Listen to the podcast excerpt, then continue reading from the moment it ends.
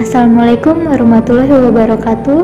Hai teman-temanku keren Kali ini Quran Keren ingin bertanya Kenapa? Cerita aja?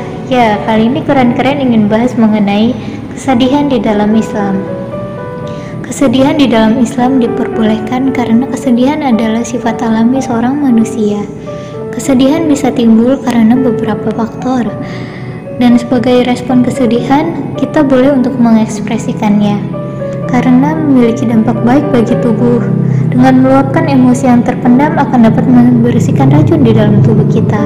Yang tidak diperbolehkan adalah menghadapi kesedihan yang berlarut-larut.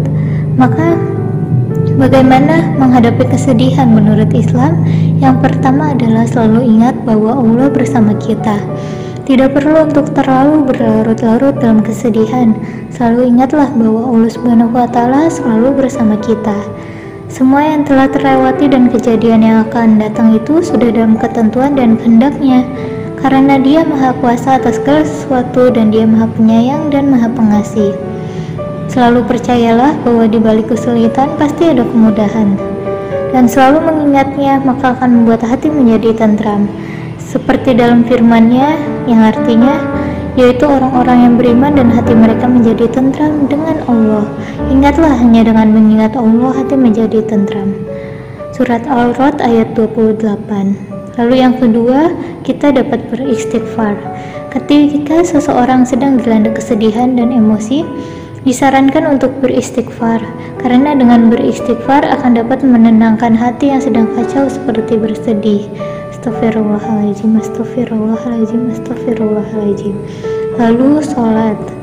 Sholat menjadi bentuk komunikasi kita kepada Allah Subhanahu wa taala, apalagi ke, ketika kita sedang memiliki masalah menjadi hal yang tepat bagi kita untuk mengadukannya kepada Allah. Dengan melaksanakan sholat fardu ataupun sunnah sebagai wujud komunikasi kita kepada Allah Subhanahu wa taala. Selain itu, sholat juga dapat membuat hati menjadi lebih tenang. Lalu yang keempat, berzikir dan berdoa. Dengan berzikir, seseorang akan selalu mengingat Allah dan membuat hati tenang. Kita dapat berzikir, La haula wa la quwata illa billah. Dan hasbunallah wa ni'mal wakil. Berdoa pun juga menjadi media komunikasi untuk curhat, bercerita tentang semua keluh kesah yang sedang dirasakan. Kedua hal tersebut sebagai media komunikasi seseorang hamba kepada Tuhannya untuk meminta pertolongan kepada Allah Subhanahu wa taala. Lalu yang kelima adalah membaca Al-Qur'an. Menjadi salah satu cara menghilangkan kesedihan.